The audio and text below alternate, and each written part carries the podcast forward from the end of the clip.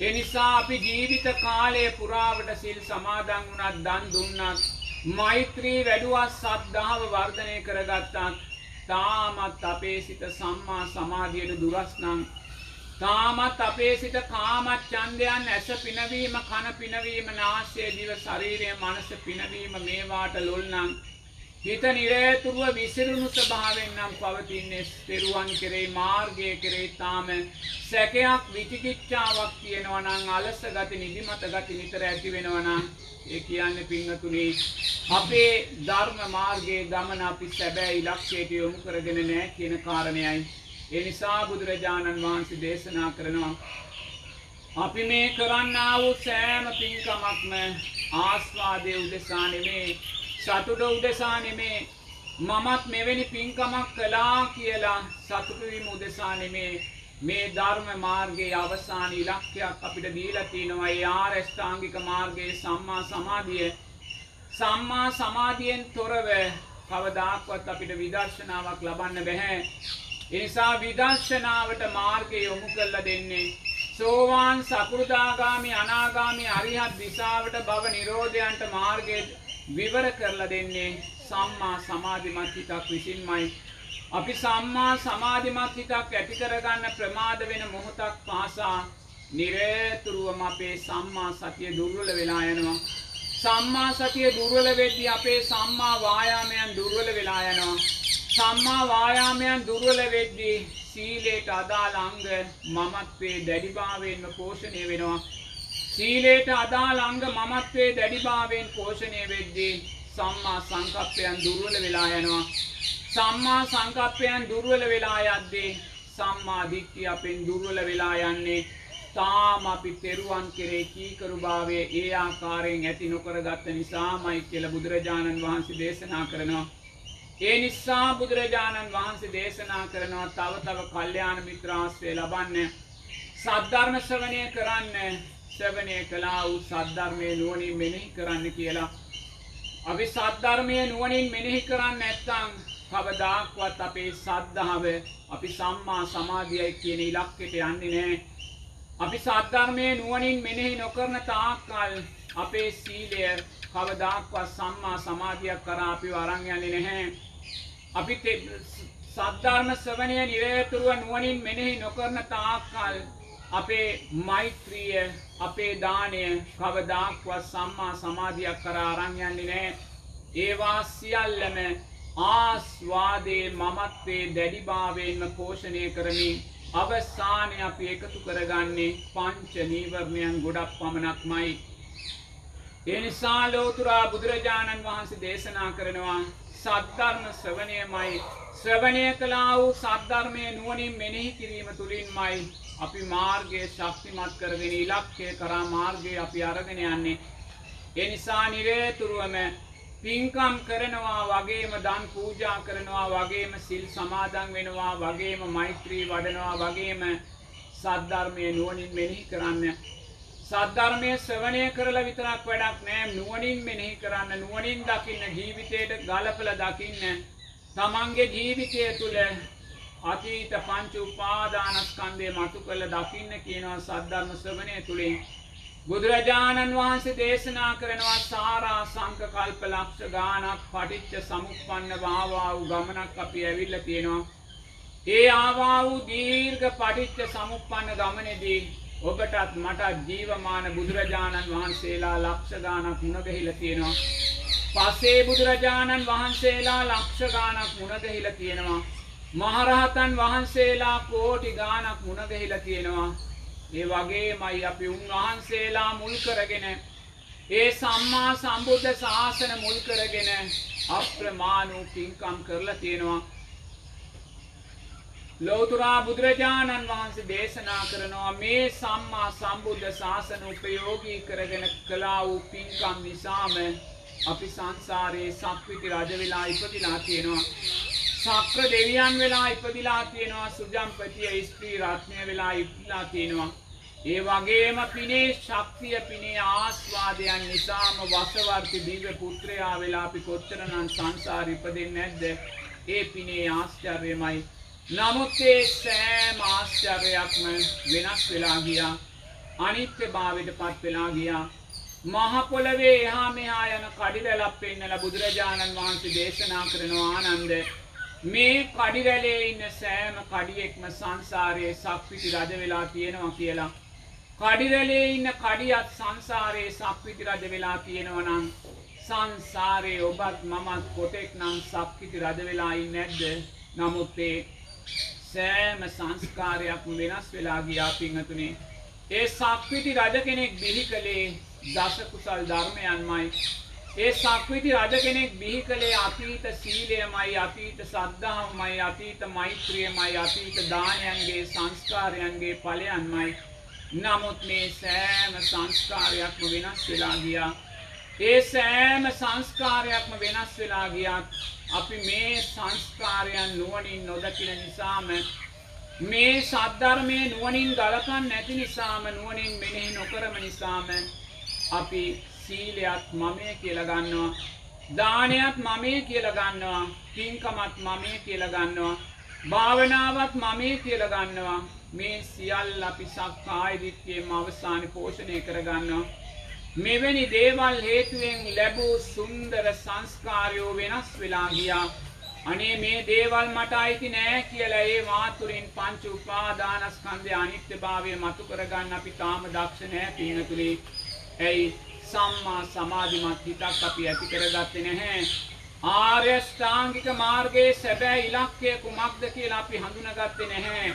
ඒ ඉලක්කයට එන්න නම් මුල් වෙන්නේ කල්යාණ මිත්‍ර ආශ්‍රය සද්ධර්ම ශ්‍රවණයත් නුවණින් මෙනෙහි කිරීම තුලත් මතු කරගන්නා වූ සංසාර බයමයි සංසාර ගැඹුරමයි කාමයන්ගේ නිසරු භාවයමයි මේ ගිහි ජීවිතේ පරිබෝධ භාවයමයි කියන කාරණේ තාම අපි ජීවිතයට එකතු කරගෙන නැහැ පින්නතුනි.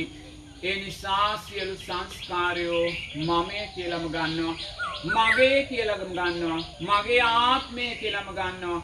මේවා නිට්ටයයි සැපයි සුභයි ආත්මයි කියලා මාරගෙන පිංහතුනේ අපි සම්මා සමාධිය වෙනුවට අපි ආස්වාදය ජීවිතය කොටසක් බවට පත් කරගන්නවා.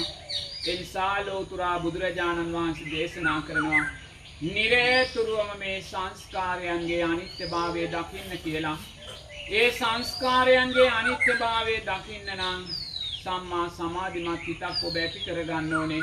එනිසා නිරේතුරුවම දන් පැන් පූජා කරලා මේ සියලු සංස්කාරයන්ගේ අනිත්‍යභාවයන් නුවණින් දකිද්දී ඒ තැනම ඔබේ සිත සමාධිමත් සිතක් බවට පත්වේවි. බුදුරජාණන් වහන්සේ දේශනා කරනවා ඒ සමාධිමත් හිතෙන් සතර සතිපට්ඨාන ධර්මයන් මතු කරගන්න කියලා. නිවන් මාර්ගය නිවන් අවබෝධය උදෙසා තීරණාත්මක සාධකය බවට පත්වෙන්නේ සතර සටිපට්ඨාන ධර්මයන් කියලායි බුදුරජාණන් වහන්සේ දේශනා කරන්නේ. නමුත් සතර සතිපට්ඨානයන් දකින්න නම් මේ රූපය විනිවිද දකින්න නම් මේ සිත විනිවිද දකින්න නම් මේ විඳීම් විනිවිද දකින්න නම් මේ ධර්මතාවයෝ විනිවිද දකින්න නම් සම්මා සමාධිමත් හිතක් අවශ්‍යම් වෙනවා. ඒ නිසා පින්වතුනි ලෝකයා ගැන හිතන්න යන්න එපා. අනුන් ගැන හිතන්න යන්න එපා. අනුන් කරන්නේ මොකද්ද කියලා හිතන්න යන්න එපා. හිත කියන දේට බැඳෙන්න එපා හිත කියන්නේ අනිත්‍ය වූ රූපයක් හේතුවෙන් සකස් වෙන්නා වූ පස්සයමයි ඒ හිත ඔබට අයිති නැහැ ඒ හිතට බුදුරජාණන් වහන්සේ මාරයා කියලා කියන්නේ ඇයි හිතට මාරයා කියන්නේ රූපේ කියන්නේ මාරයා විඥානය කියන්නේ මාරයා අධ්‍යාත්මික රූපයයි බාහිර රූපයයි. විඥානයයි තුන එකතුන තැන සකස් වෙන පස්සය මාරයා හැටියටමයි බුදුරජාණන් වහන්සේ දේශනා කරන්නේ.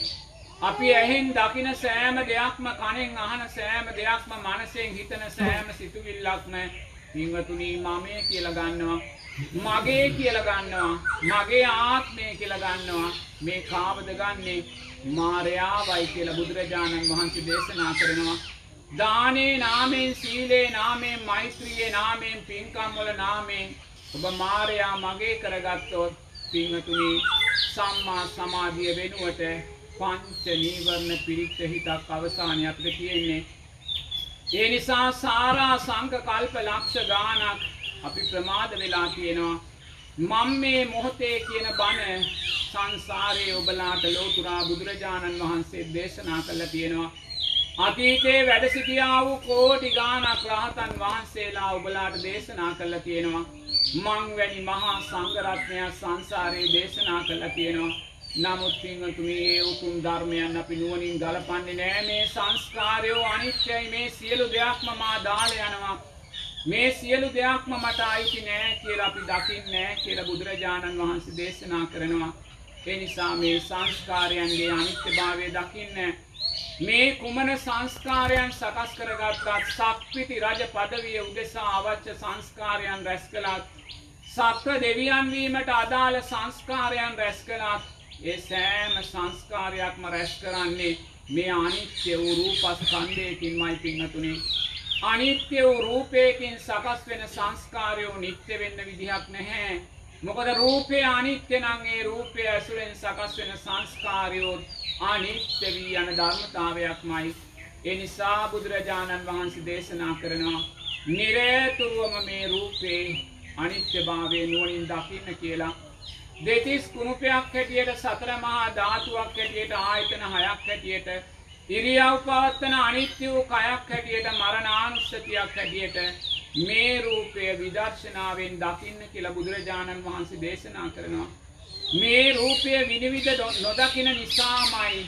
මේ රූපය නිසාත් බාහිර රූපයන් නිසාත් අපි ද්වේෂය ඇති කරගන්නේ මෛත්‍රිය ඇති කරගන්නේ වෛරය ක්‍රෝධය පරිගැනීම අපි ඇති කරගන්නේ. මේ රූපය විනිවිද දකින්නේ නැහැ. මේ රූපය මමම කියලා ගන්නවා. මේ රූපය මගේමයි කියලා ගන්නවා. මේ රූපය නිත්‍යයි සැපයි ස්ථිරයි සුබයි කියලා ගන්නවා. අනිත් පැත්තෙන් අපි ලක්ෂ ගණන් වියදම් කරලා පින්කම් කරනවා පින්වතුනි. ඒ නිසා බුදුරජාණන් වහන්සේ දේශනා කරනවා නිරතුරුවම මේ රූපේ අනිත්‍යභාවය නුවණින් දකින්න කියලා.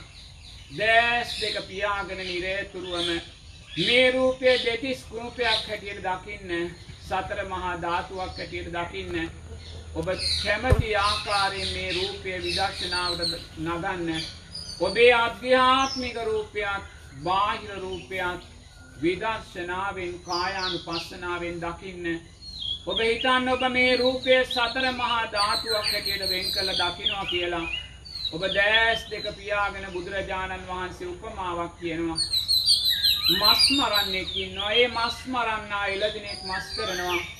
ඒ එළදෙන මස් කරලා ඒ එළදෙනගේ මස් එයා කොටස් හතරකට වෙන් කරනවා. මේ මස්, මේ ඇට, මේ සම්, මේ නහර කියලා. එයා ඒ මස් වර්ග හතර හතර මං හන්දියක මේස හතරක් තියාගෙන එයා විකුණනවා පින්වතුනි. එක මේසක මස් තියෙනවා අනිත් මේසේ ඇට තියෙනවා අනිත් මේසේ සම් තියෙනවා අනිත් මේසේ නහර තියෙනවා බුදුරජාණන් වහන්සේ දේශනා කරනවා ඔබ මේ රූපය කොටස් හතරකට වෙන් කරන්න කියලා මමේ මගේ මගේ ආත්මය කියලා ඔබ තනිව සක්කාය දිට්ඨියෙන් අයිති කරගන්න මේ රූපය කොටස් හතරකට වෙන් කරන්න කියනවා. පඨවි ආපෝ තේජෝ වායෝ කියන කොටස් හතරකට වෙන් කරන්න කියනවා. ඔබ දැන් ඇස් ඇති පුරුෂයෙක් මේ මොහොතේ ඔබට සම්මා සමාධිමත් හිතක් තියෙනවා. නමුත් ඔබේ සම්මා සමාධිමත් හිත අඳුනගන්න නැහැ පින්වතුනි. ඒ සම්මා සමාධිමත් හිත අඳුනගන්න නැති නිසාම මෙතනින් බැහැරට ගිය ගමන් ආයිමත් ඒ සම්මා සමාධිමත් හිත පංච නීවරණයන්ගේ තෝතැන්නක් බවට පත් වෙනවා. ඇයි ඔබ මේ සම්මා සමාධිමත් හිත අඳුනගත්තේ නැහැ? මේ සම්මා සමාධිමත් හිත කියන්නේ ආර්ය ශ්‍රාංගික මාර්ගයේ සුන්දර ඵලයක් කියලා ඔබ හඳුනගත්තේ නැහැ. මේ සම්මා සමාධිමත් හිත කියන්නේ විදර්ශනාවට මාර්ගය කියලා ඔබ හඳුනගත්තේ නැහැ. ඒ නිසා මේ සම්මා සමාධිමත් හිතට ඔබ වටිනාකමක් දෙන්නේ නැහැ. ඒ සම්මා සමාධිමත් හිතේ ආස්වාදයට යට වෙලා මොහොතක් ඉඳලා මෙතනින් බැහැර වෙච්ච ගමන් ආයිමත් පංච නීවරණයන්ගෙන් හිත පුරව ගන්නවා. ඒ නිසා ලෝතුරා බුදුරජාණන් වහන්සේ දේශනා කරනවා මේ සම්මා සමාධිමත් හිත අඳුන ගන්න මේ සම්මා සමාධිමත් හිත කියන්නේ විදර්ශනාවට මාර්ගයමයි. මේ සම්මා සමාධිමත් හිත කියන්නේ ආර්ය අෂ්ටාංගික මාර්ගයේ සුන්දර ඵලයක්මයි. ඒ සම්මා සමාධිමත් හිත උපයෝගී කරගන්න බුද්ධ වන්දනාවක් කරපු වෙලාවට සීලයක් සමාදන් වුණ වෙලාවට රාත්‍රී නින්දට ගිය වෙලාවට ඔබ සතුව තියෙන සම්මා සමාධිමත් හිතක්. ඒ සම්මා සමාධිමත් හිත තුළ ඔබ නුවණින් දකින්න සම්මා දිට්ඨිය පෝෂණය වෙලා තියෙනවද කියලා. සම්මා සංකප්පයන් සම්මා වාචා කම්මන්තෝ පෝෂණය වෙලා තියෙනවද කියලා. සම්මා වායාමයන් සති පෝෂණය වෙලා තියෙනවද කියලා. එතකොට ඔබට හඳුන ගන්න පුළුවන් ඔබේ සම්මා සමාධිමත් හිතේ වටිනාකම. ඒ සම්මා සමාධිමත් හිතෙන් දැන් බුදුරජාණන් වහන්සේ දේශනා කරනවා මේ රූපය සතර මහා ධාතුවක් හැටියට දකින්න කියලා. ඔබ මමේ කියලා මගේ කියලා මගේ ආත්මය කියලා මේ වසාගෙන ඉන්න මේ රූපය බුදුරජාණන් වහන්සේ කියනවා මනසින් විවෘත කරන්න කියලා. මේක ගලවන්න කියලා මේක අරින්න කියලා. එයා මේ රූපය මනසින් විවෘත කරනවා.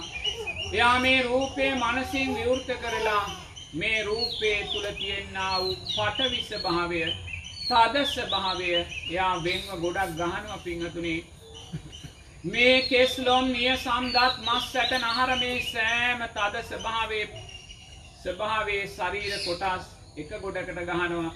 පටවි ධාතුව කෙලයා දකිනවා. ඊළඟට මේ ශරීරයේ තියෙන ද්‍රව ස්වභාවය තවත් ගොඩකට ගහනවා. ලේ සෙම් සොටු සැරව මේ සියල්ල දැන් තවත් මනසින් ගොඩකට ගැහුවා. ඒ ගොඩවල් දෙක තුලින් මෙයා තේජෝ ධාතුවත් වායෝ ධාතුවත් දකිනවා පිංගතුනි දැන් එයා මේ රූපයේ කොටස් හතරකට ගලවලයි තියෙන්නේ මෙතන. පිංගතුනි ඝන රූප සංඥාවක් නැහැ. එයා මනෝමය රූපයකින් තමන් ඉදිරියේ තියෙන සතර මහා ධාතුව දෙස බලනවා. ඒ පඨවි ධාතුව ආපෝ ධාතුව තේජෝ ධාතුව වායෝ ධාතුව දෙස එයා නුවණින් බලනවා. එයා නැවත නැවත නුවණින් බලනවා. එයාර පටවි ධාතුව නුවණින් පෙරල පෙරලා පෙරල පෙරලා බලනවා මේ පටවි ධාතුව තුල මම කියලා කෙනෙක් ඉන්නවද? මගේ කියලා දෙයක් තියෙනවද?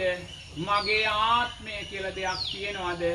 එයා එහෙම දෙයක් දකින්නේ නැහැ පින්තුනේ එයා එහෙම දෙයක් දකින්නේ මේ පටවි ධාතුව කියන්නේ මේ කෙස් ලොම් නිය සම්දත් මස් ඇට නහර මේ සියල්ලමයි. අනේ මේවා මමේ කියලා මගේ කියලා මගේ ආත්මය කියලා ජීවිතේ පුරාවට කොච්චරනම් අපි අකුසල් කරගන්නවද? මේවා පෝෂණය කරන්න මේවා රැකබලා ගන්න මේවා වර්ධනය කරන්න. ඒ වගේම මේ දේවල් ජරා ව්‍යාධි මරණයන්ට පත්වෙද්දී ඒ නිසාම අපි කොච්චරනම් දුකට පත් වෙනවද? මේ ඇස දුර්වල වෙනකොට අපි දුක් වෙනවා. මේ කොණ්ඩේ හැකිලිලා ගැලවිලා සුදු වෙලා යනකොට අපි දුකට පත් වෙනවා. මේ සම රැලි වැටිලා යනකොට අපි දුකට පත් වෙනවා. මේ කන නෑසී යනකොට අපි දුකට පත් වෙනවා. අපි ජරා ව්‍යාධීන්ට ලක් වෙනකොට රෝගී වෙනකොට අපි දුකට පත් වෙනවා. පින්වතුනි යානුවණින් දකිනවා. මෙතන දුකට පත් වෙන්න මමයේ කියලා දෙයක් මගේ කියලා දෙයක් මගේ ආත්මය කියලා දෙයක් එයා දකින්නේ නැහැ පින්වතුනි. එයා අනිත්‍ය වූ පටවි ධාතුවක් දකිනවා. එයා පටවි ධාතුව කෙරෙහි තියෙනා වූ තෘෂ්ණාවෙන් එයා බැහැර වෙනවා පින්වතුනි. එයාට දැන් පටවි ධාතුව කෙරෙහි තෘෂ්ණාවක් නැහැ. එයා දකිනවා මේ කෙස්වල මම කියලා කෙනෙක් නැහැ, මගේ කියලා දෙයක් නැහැ, මගේ ආත්මය කියලා දෙයක් නැහැ. එයා දකිනවා මේ සම්මස් සැට නහර මේ දත් නිය තුල මමේ කියලා දෙයක් නෑ මගේ කියලා දෙයක් නෑ මගේ ආත්මය කියලා දෙයක් නෑ. මෙතන මොකද්ද තියෙන්නේ? කුණු වෙලා යන පටවි ධාතුවක්. නරක් වෙලා ගඳ ගහලා පණුව ගහලා නිලමැස්ස වහලා බාහිර සතර මහා ධාතුවට මුහු වෙන පටවි ධාතුවක් පින්නතුනේ? එයා නිරේතුරුවම තමන්ගේ අධ්‍යාත්මික පටවි ධාතුව බාහිර පටවි ධාතුවට මුහු වෙලා යන ඔයා දකිනවා පින්නතුනේ එයා නුවණින් දකිනවා දෙයයනේ මේ ඇස් දෙක. කවදා හරි දවසක මහ පොළවේ පසට එකතු වෙන ඇස් දෙකක්මයි. මේ කන් දෙක නාසය දිව ශරීරය මේ ඇට මස් සම් නහර. මේවා කවදා හරි දවසක මහ පොළවේ සතර මහා ධාතුවට එකතු වෙන පටවි ධාතුවක්මයි. පිංහතුනේ ආධ්‍යාත්මික පටවිධාතුවත් බාහිර පටවිධාතුවත් දෙකම එකම ස්භාවේ පටවිධාතුවක් ගැටියට නුවනින් දකිනවා. එයා අධ්‍යාත්මික පටවිධාතුවත් බාහිර පටවිධාතුවත් එකම ස්භාවේ පටවිධාතුවක් කියලයා දකිනවා. එයා පටවිධාතුව කෙරේ තියෙන තුෂ්නාව තිරු කරගන්නවා පිංහතුනේ. ඊළඟට එයා ආපෝධාතුව දෙස බලනවා. දැන් එයා ඉදිරියේ තියෙනවා සෙම් සොටු මස් සැරව රුධිරය මේ ආපෝ ධාතුව තුළ බලනවා. මේ ආපෝ ධාතුව තුළ මම කියලා කෙනෙක් ඉන්නවද? මගේ කියලා දෙයක් තියෙනවද? මගේ ආත්මය කියලා දෙයක් තියෙනවද? එයා එහෙම දෙයක් දකින්නේ නැහැ පින්වතුනි. අර සෙම් සොටු සැරව රුධිරය නරක් වෙලා යනවා කුණු වෙලා යනවා ගඳ ගහනවා නිලමැස්ස වහනවා බාහිර සතර මහා ධාතුවටම මුහු වෙනවා පින්වතුනි ඔබ හිතන්න ඔබේ ශරීරයෙන් ලේ ටිකක් එළියට ගියොත් ඒ ලේ ටික ඔබ මම කියලාමයි දකින්නේ. මගේ කියලාමයි දකින්නේ. මගේ ආත්මය කියලාමයි දකින්නේ. ලේ තුල මම ඉන්නවා මා තුලේ ලේ තියෙනවා කියලාමයි දකින්නේ. නමුත් පින්වතුනි අර ආපෝ ගොඩ තුල බලද්දී ඒ ලේ කියන්නේ කුණු වෙලා යන දෙයක්. ගඳ ගහන දෙයක් නිලමැස්ස වහන දෙයක් පණුව එන දෙයක්. බාහිර ආපෝ ධාතුවටම මුහු වෙන දෙයක්? එයා නුවණින් තමන්ගේ අධ්‍යාත්මික ආපෝ ධාතුවත් බාහිර ආපෝ ධාතුවත් දෙකම එකම ස්වභාවයේ ආපෝ ධාතුවක් හැටියට නුවණින් දකිනවා පින්වතුනි දැකලා ආපෝ ධාතුව කෙරේ තියෙන තෘෂ්ණාව එයා සියුම් කරනවා. ඊළඟට එයා තේජෝ ධාතුව නුවණින් දකිනවා මේ ශරීරයේ තියෙන උෂ්ණ ස්වභාවය. මේ ශරීරයේ තියෙන උෂ්ණ ස්වභාවය මට අයිති දෙයක් නෙමේ පිංහතුනි ඒ උෂ්ණය තුළ තේජෝ ධාතුව කියලා මම කියලා කෙනෙක් මගේ කියලා කෙනෙක් දෙයක් මගේ ආත්මය කියලා දෙයක් නැහැ. ඒ තේජෝ ධාතුව බාහිර තේජෝ ධාතුව හා සමානම තේජෝ ධාතුවක් කියලා දකිනවා. සාරිපුත්ත මහරහතන් වහන්සේගේ රූපය තුළ බැසගෙන තිබූ ඒ තේජෝ ධාතුව උන්වහන්සේ පිරිනිවී යන මොහොතේ බාහිර තේජෝ ධාතුවටම මුහුණා පිංගතුනේ මේ වායෝ ධාතුව මමය මගේ කියලා අපි ගන්නවා. මේ ආස්වාස ප්‍රාස්වාසයේ සිද්ධ වෙන වායෝ ධාතුව. ඒ වායෝ ධාතුව මමය මගේ කියලා ගත්තත් පිංගතුනේ සාරිපුත්ත මහෝත්තමයාණන් වහන්සේ නිරේතුරුවම ඒ ආස්වාස ප්‍රාශ්වාසයන් සිද්ධ කළේ වගේ මේ කාය සංස්කාරයන්ට අදාළ සියලු කටයුතු සිද්ධ කළේ වායෝ ධාතුව උන්වහන්සේ පිරිනිවී යන මොහොතේ බාහිර වායෝ ධාතුවටම මුහු වෙලා ගියා පින්වතුනි.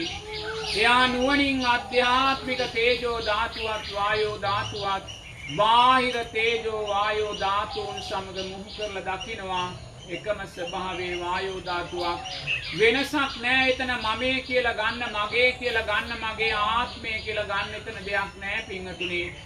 එයා නිරේතුරුවම සතර මහා ධාතුව කෙරේ තියෙන තෘෂ්ණාව සියුම් කරගන්නවා ඒ නිසා මෙයා රූපය මමේ කියලා ගන්නෙ නැහැ.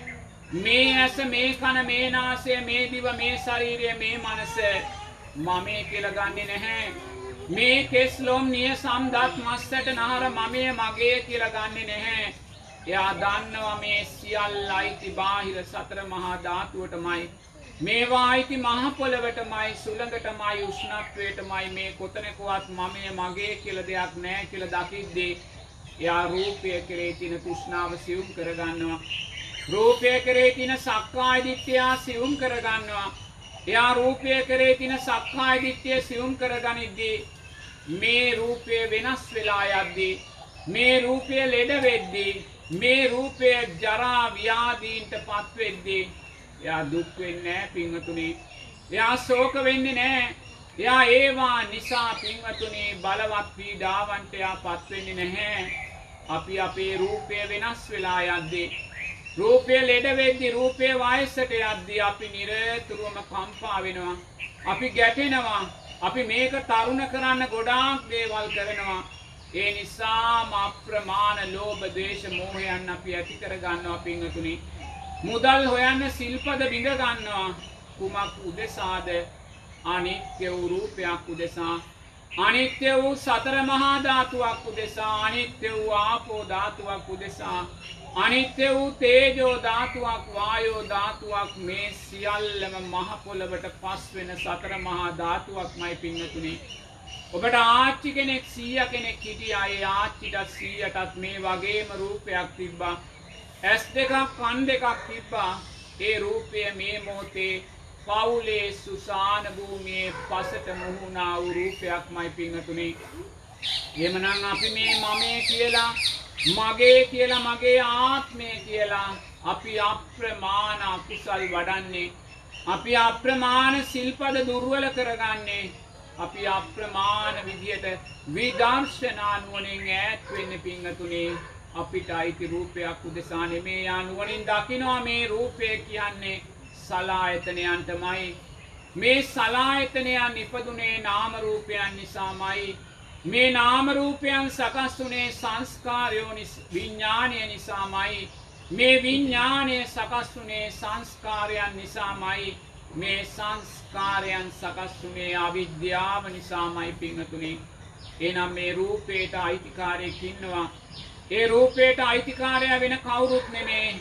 අවිද්‍යාවමයි පිංහතුනේ අවිද්‍යාව කියන්නේ අපි තාම චතුරාර් සත්‍ය දන්නේ නැහැ.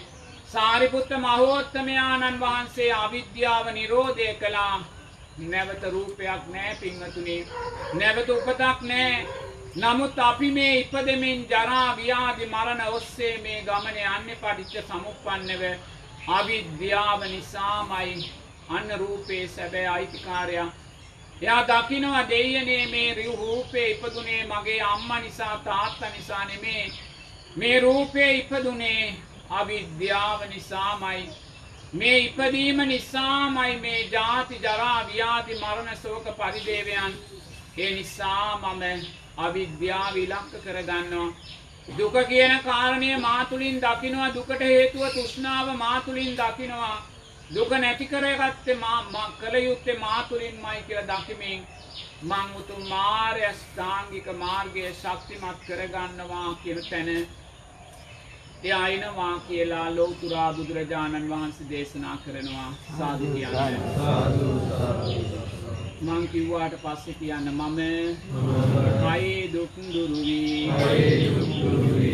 දුක්දුරුවී සිතේ දුක්දුරුවී නිදුක් වෙත්වා නීරෝගි වෙත්වා සුවපත් වෙත්වා මම කයේ දුක්දුරුවී සිතේ දුක්දුරුවී නිදුක් වෙත්වා නීරෝගි වෙත්වා සුවපත් වෙත්වා මාමෙන්ම සියලුම සත්වයෝ කයේ දුක්දුරුවී සිතේ දුක්දුරුවී නිදුක් වෙත්වා නීරෝගි වෙත්වා සුවපත් වෙත්වා මාමෙන්ම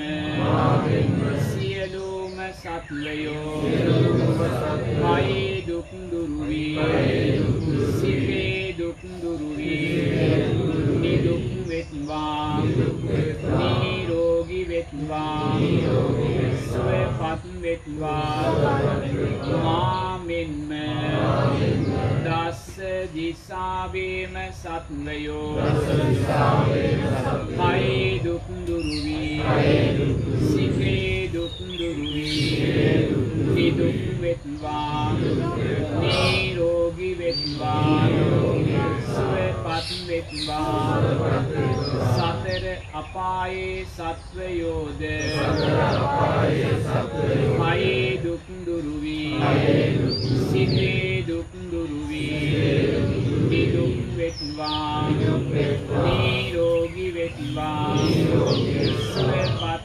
වෙත්වා මනුෂ්‍යයෝද කයේ දුක්දුරුවී සිතේ දුක්දුරුවී නිදුක් වෙත්වා නීරෝගි වෙත්වා සුවපත් වෙත්වා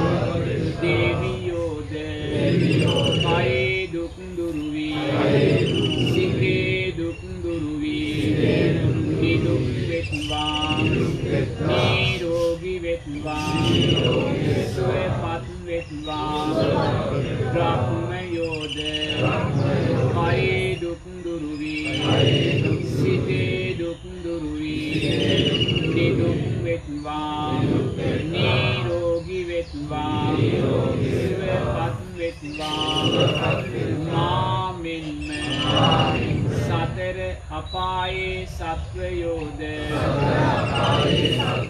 මනුෂ්‍යයෝද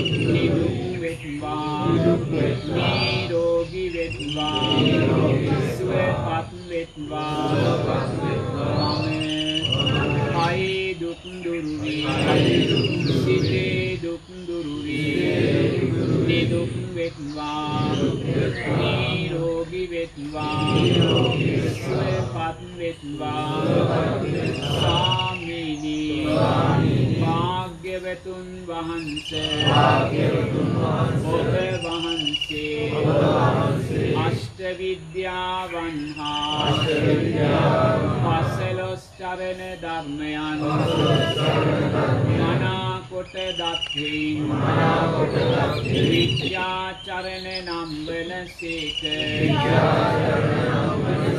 සාමිනි භාග්‍යවතුන් වහන්ස ඔබ වහන්සේ මනා ගමන් නැති හෙයින්ද?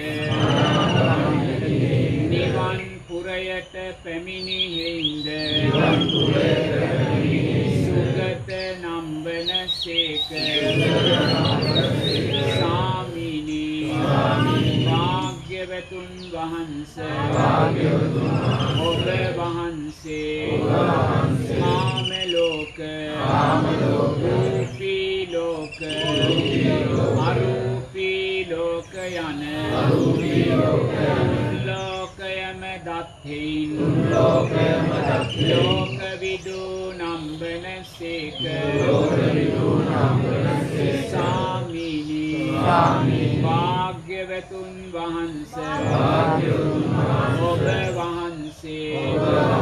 අකීකරු සත්වයන්. මනාකොට දැමූහෙයි අනුත්තරෝ පුරිස ධම්ම සාරති නම්බන සේක. සාමිනි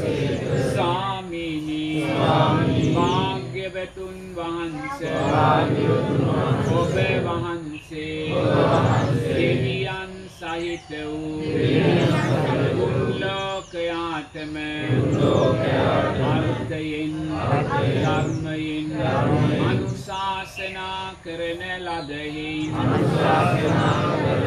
සත්තා දේව මනුස්සා නම්බන සේක. සාමිනි භාග්‍යවතුන් වහන්ස ඔබ වහන්සේ ආමිස පූජා ප්‍රතිපත්ති පූජා සියල්ලටම සුදුසු හෙයින් භගවානම්බන සේක සාමිනි භාග්‍යවතුන් වහන්ස ඔබ වහන්සේ චතුරාර්ය සත්‍ය ධර්මයන්. තමන් වහන්සේ විසින්ම. අවබෝධ කොට ගත්හෙයින් සම්මා සම්බුද්ධ නම්වන සේක.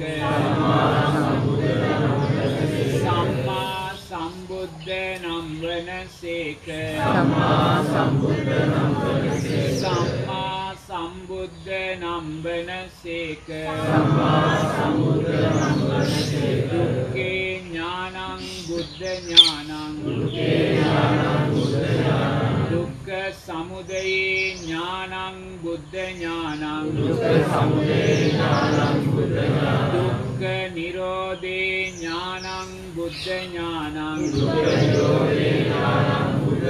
දුක්ඛ නිරෝධ ගාමිනී පටිපදාය ඥානං බුද්ධ ඥානං අත්ත පටිසම්බිදේ ඥානං බුද්ධ ඥානං ධම්ම පටිසම්බිදේ ඥානං බුද්ධ ඥානං පටිසම්බිදේ ඥානං බුද්ධ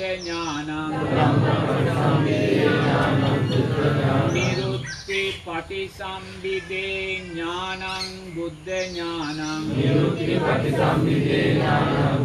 පටිබාන පටිසම්බිදේ ඥානං බුද්ධ ඥානං ඉන්ද්‍රිය පරෝ පරියත්තේ ඥානං බුද්ධ ඥානං සත්තානං ආසයානුසයේ ඥානං බුද්ධ ඥානං යමක පාතිහාරියේ ඥානං බුද්ධ ඥානං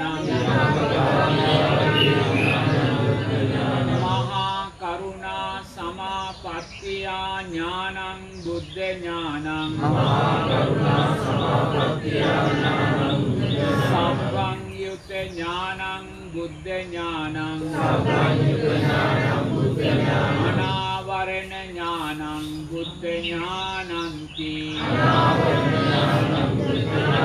සාමිනී.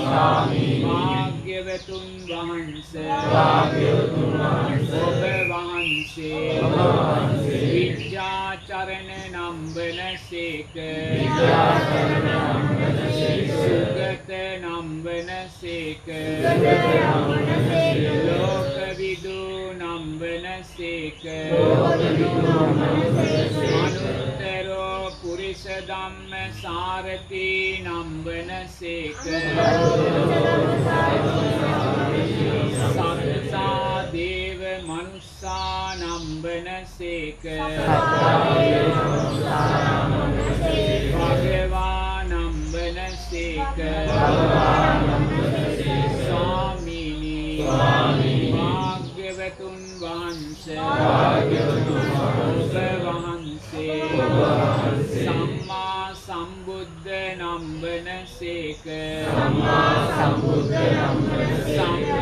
සම්බුද්ධ නම්බන සේක සම්මා සම්බුද්ධ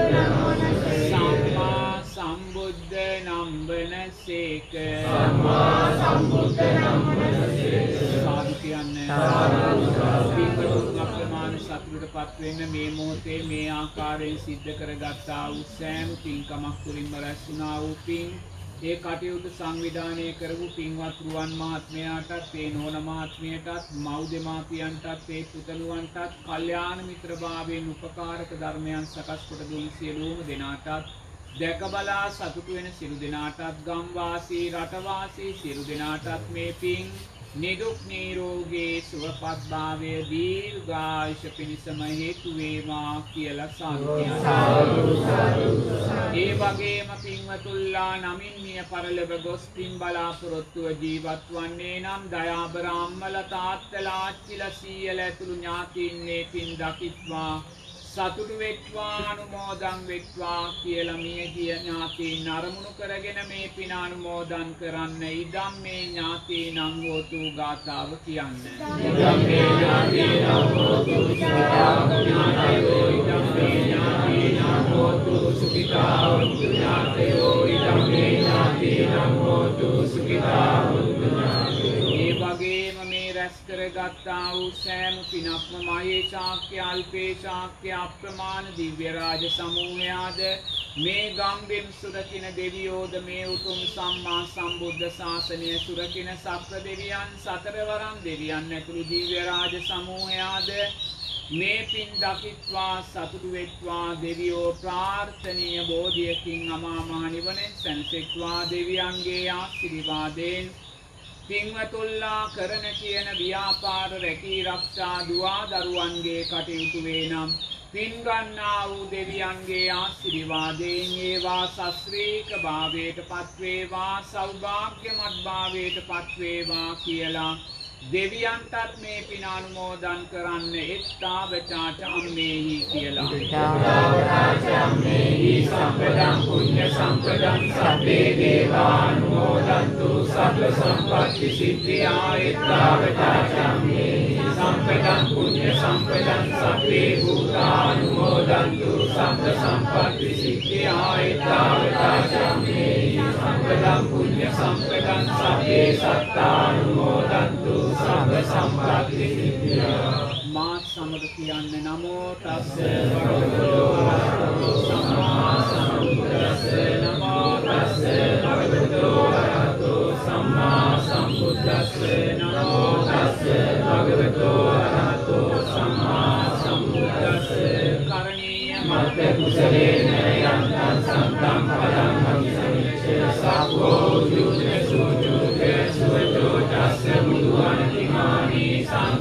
को च सुकरो च आत्मनित्यो च संलब्धवृत्ति शान्तिन्द्रियो च निपको च आत्मगापो कुलेषु अनुगीतो न रोचरात्री सजन्तु शान्ति योचनि प्रकोचराप्तोपुरे सुवर्नुचरे किञ्चिनोपेषु सुविनो वाके विनो हन्तु से सत्ता भवन्तु सुखिनः मानभूतस्ति तथा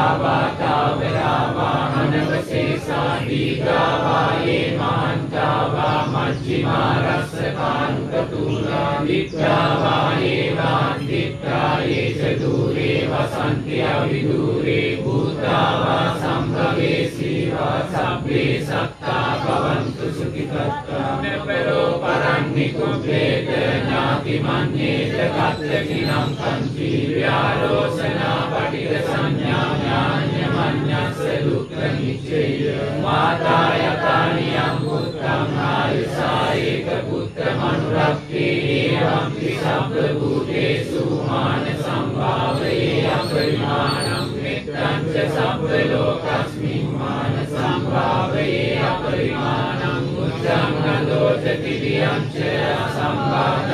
අසම්බාධං අවීරං අසපත්තං විත්තං චරං නිසිඤ්ඤෝ වාසයානෝ ආයාව තස්ස විගත මිද්දෝ ඒතං සතින් අවික්කේය බ්‍රහ්මවේතං විහාරං ඉදමා වූ දිට්ඨිං චානුපදම්ම සීලවා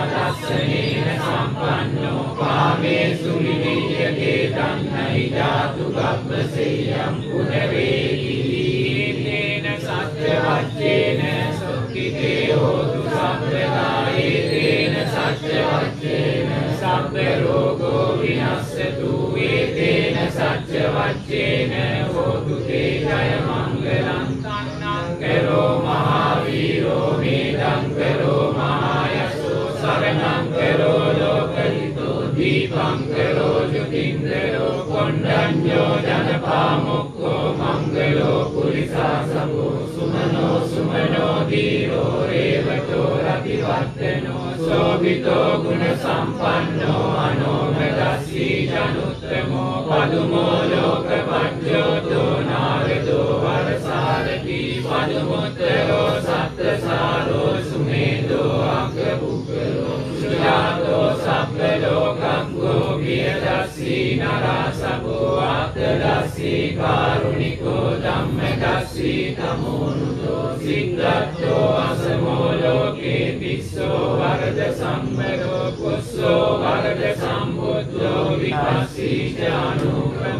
සිකී සබ්බහිතෝ සත්තා වෙස්සගෝ සුඛදායකෝ කකුසන්தோ සත්ත්වාහෝ කෝනාගමනෝ රණංජයෝ කස්සකෝ සිරි සම්පන්නෝ ගෝතමෝ සක්්‍ය පුංගවෝ තේ සංසච්චේන සීලේන කන්ති මෙත්ත බලේන ච දේවිතං අනුරක්ඛන්තු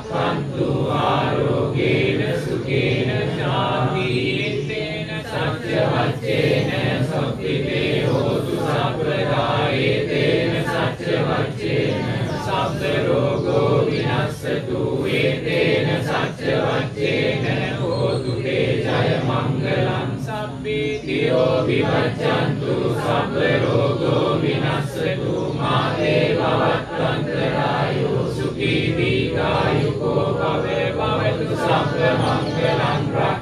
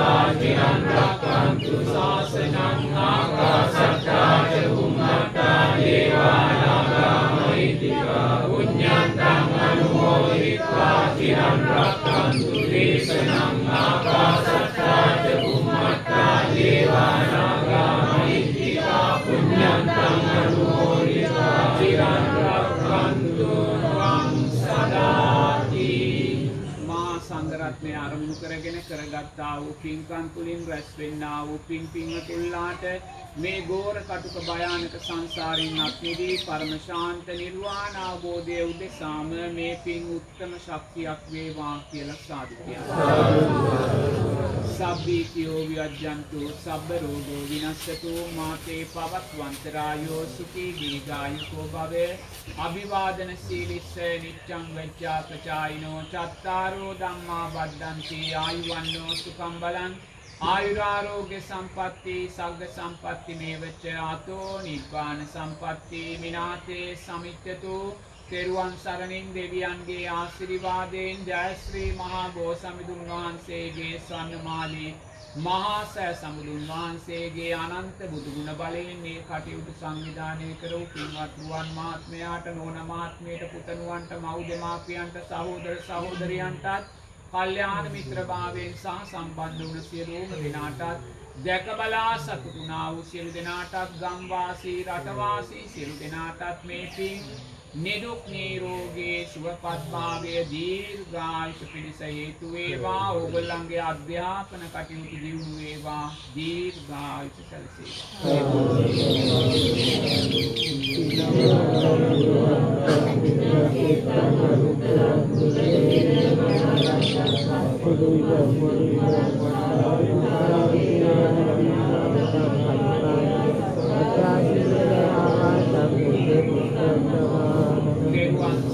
සරණයි සුවපත් වේවා දීර්ඝායුෂ සැලසේවා චතුරාර්ය සත්‍ය ධර්මයන් අවබෝධ වේවා හැමෝටම ගොඩක් පිං